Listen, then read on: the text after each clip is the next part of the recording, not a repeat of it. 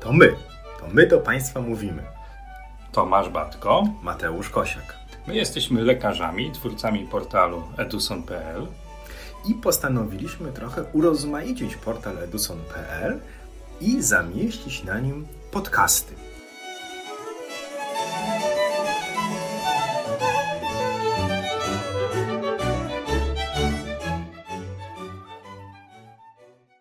Akustyka. Nauka o dźwięku.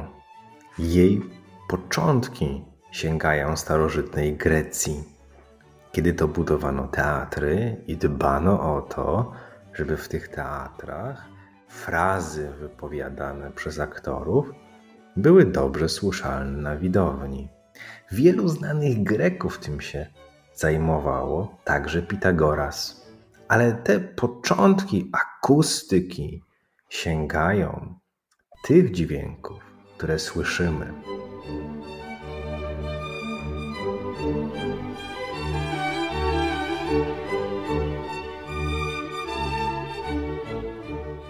Tysiąc lat po tym, jak Grecy tworzyli pierwsze teatry, kiedy odkrywali tajniki akustyki, w Europie triumfy osiągała ostatnia opera Mozarta Czarodziejski Flet. To był czas roku 1793, kiedy Lazaro w gorącą sierpniową noc marzył o tym, żeby w końcu móc odpocząć. W głowie huczały mu melodie z opery, którą niedawno miał okazję słyszeć w Wiedniu. Starał się wypocząć, choć 64 lata, które miał już na karku, mu na to zdecydowanie nie pozwalały, zwłaszcza, że upał przewalał się przez równiny północnych Włoch. Postanowił, że najwygodniej i najlepiej będzie usiąść i zrobić kilka notatek z badań, które w ostatnich czasach prowadził, a prowadził niezwykle interesujące badania na żabach. Bo okazało się, że do tego, aby żaby mogły się rozmnażać, niezbędny jest samiec i samica, co nie było oczywiste w tamtych czasach dla wszystkich naukowców, z którymi na co dzień się spotykał. Zapalił świeczkę, otworzył okno i usłyszał trzepot ptaka, który wpadł do pomieszczenia, w którym pracował. Ten trzepot ptaka razem z wiatrem, który zakradł się do pomieszczenia, sprawiły, że zgasła świeca. Kątem oka Lazaro Spallanzani zauważył, że tym ptakiem jest sowa, nieduża płomykówka, która zaczęła krążyć po pomieszczeniu, odbijając się po ścianach. I w tym momencie Lazaro doznał olśnienia. Okazało się, że płomykówka, ptak z wielkimi oczami, wydawałoby się zwierzę nocne, nie radzi sobie w ciemności z orientacją w przestrzeni. Okazało się, że nic nie widzi. Co o tyle zdumiało Lazaro, że doskonale znał z pobliskiej fortecy nietoperze, które niejednokrotnie obserwował, te niewielkie istoty, fruwające w jaskini, choć miały dużo mniejsze oczy, doskonale sobie radziły z ciemnością. Razem ze swoim przyjacielem złapali w worek kilka takich nietoperzy, stworzyli im doskonałe warunki, stworzyli ciemne pomieszczenie, w którym rozwiesili na linkach dzwonki, no bo też sami nie byli w stanie zauważyć, co te nietoperze będą czynić w ciemności, i ku ich zaskoczeniu Żaden z dzwonków zawieszonych na lince po wypuszczeniu nietoperzy nie uległ poruszeniu. Nie usłyszeli żadnych dźwięków poza trzepotem skrzydeł nietoperzy, które fruwały po pomieszczeniu, co chwila siadały na różnych meblach, ale nie obijały się o ściany, nie obijały się o porozciągane linki.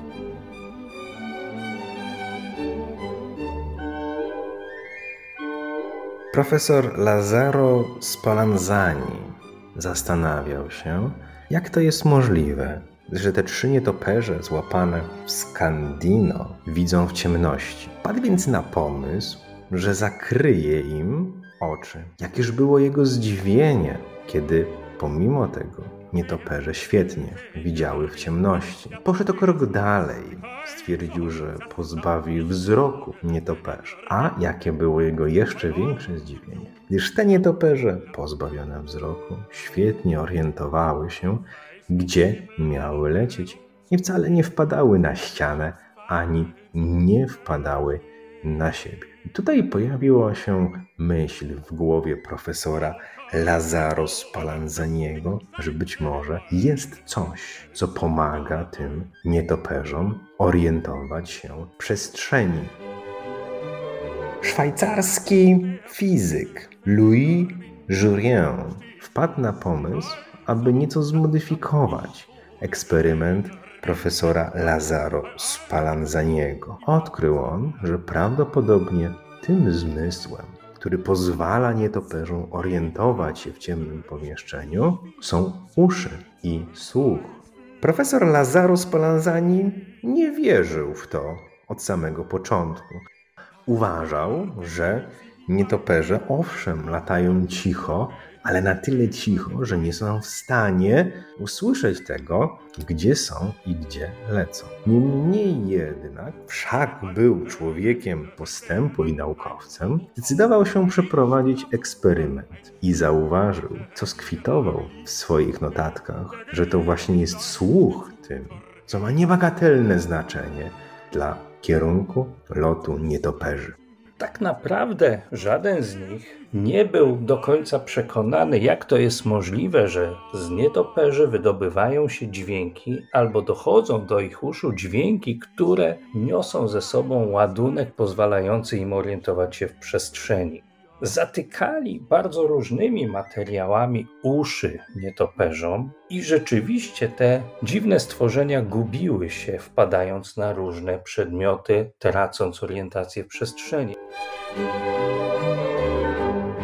ale dopiero ponad 150 lat później odkryto, że rzeczywiście tych dwóch panów pod koniec XVIII wieku miało absolutną rację, bo tym, co sprawiało, że nietoperze radzą sobie w ciemności, jest dźwięk, który jest wysyłany przez ich aparat, który jest umieszczony w głowie i dają sobie radę dzięki temu, że odczytują dźwięki o bardzo wysokiej częstotliwości, które wracają z powrotem do ich uszu i na podstawie czasu, który mija od wysłania tych dźwięków do powrotu, są w stanie orientować się w przestrzeni. Osiągnięcia tego dokonało dwóch amerykańskich biologów – Donald Griffin i Robert Galambos w 1938 roku.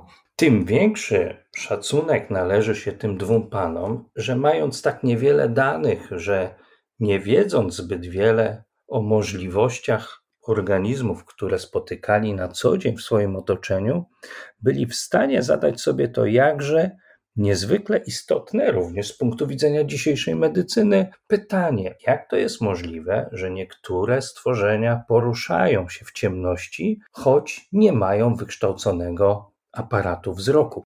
To jest trochę tak, jak dzisiaj, patrząc na niektórych naszych kolegów po fachu lekarzy, zastanawiamy się, jak oni, siedząc w ciemnych gabinetach, są w stanie widzieć wnętrze swoich pacjentów. Korzystają oni z dźwięku. Spallanzani, jego badania dążyły ku temu i są bez dyskusyjnym dowodem na to, że dźwięk to także coś, czego ludzkie ucho nie słyszy. To, co powiedziałeś, mówiąc teraz o tym lekarzu, ultrasonografiście, jest faktycznie dość przewrotne, bo taki gościu, który zagląda do brzucha, nie rozcinając brzucha, twierdzi, że robi to dźwiękiem, którego nikt nie słyszy, to generalnie taki troszeczkę rzeklibyśmy sobie no Hochstapler, czy on tam coś widzi, czy on tam niczego nie widzi, a ile razy pacjenci tobie mówili, panie doktorze, ja tutaj nic nie widzę, panie doktorze, jak to możliwe, że pan w ogóle coś jest w stanie na tym ekranie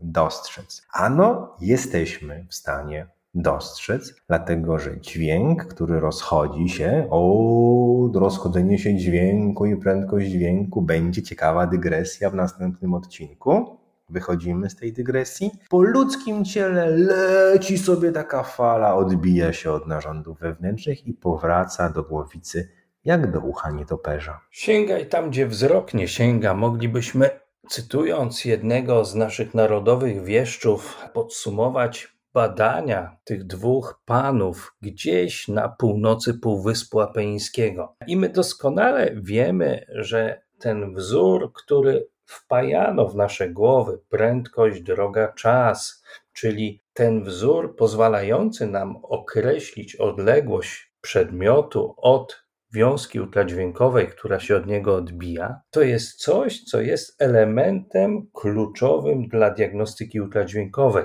A historia, której nauczyły nas badania tych dwóch panów, o których dzisiaj opowiadaliśmy, będzie przez nas kontynuowana w kolejnych spotkaniach, bo i to, co w dygresji wspomniałeś na początku XIX wieku, i to, co będzie w późniejszych latach spotykało świat nauki, będzie miało dalsze kluczowe znaczenie w odkryciu współczesnej ultrasonografii. Wszak pokrętne są drogi historii ultrasonografii. Do usłyszenia. Do usłyszenia.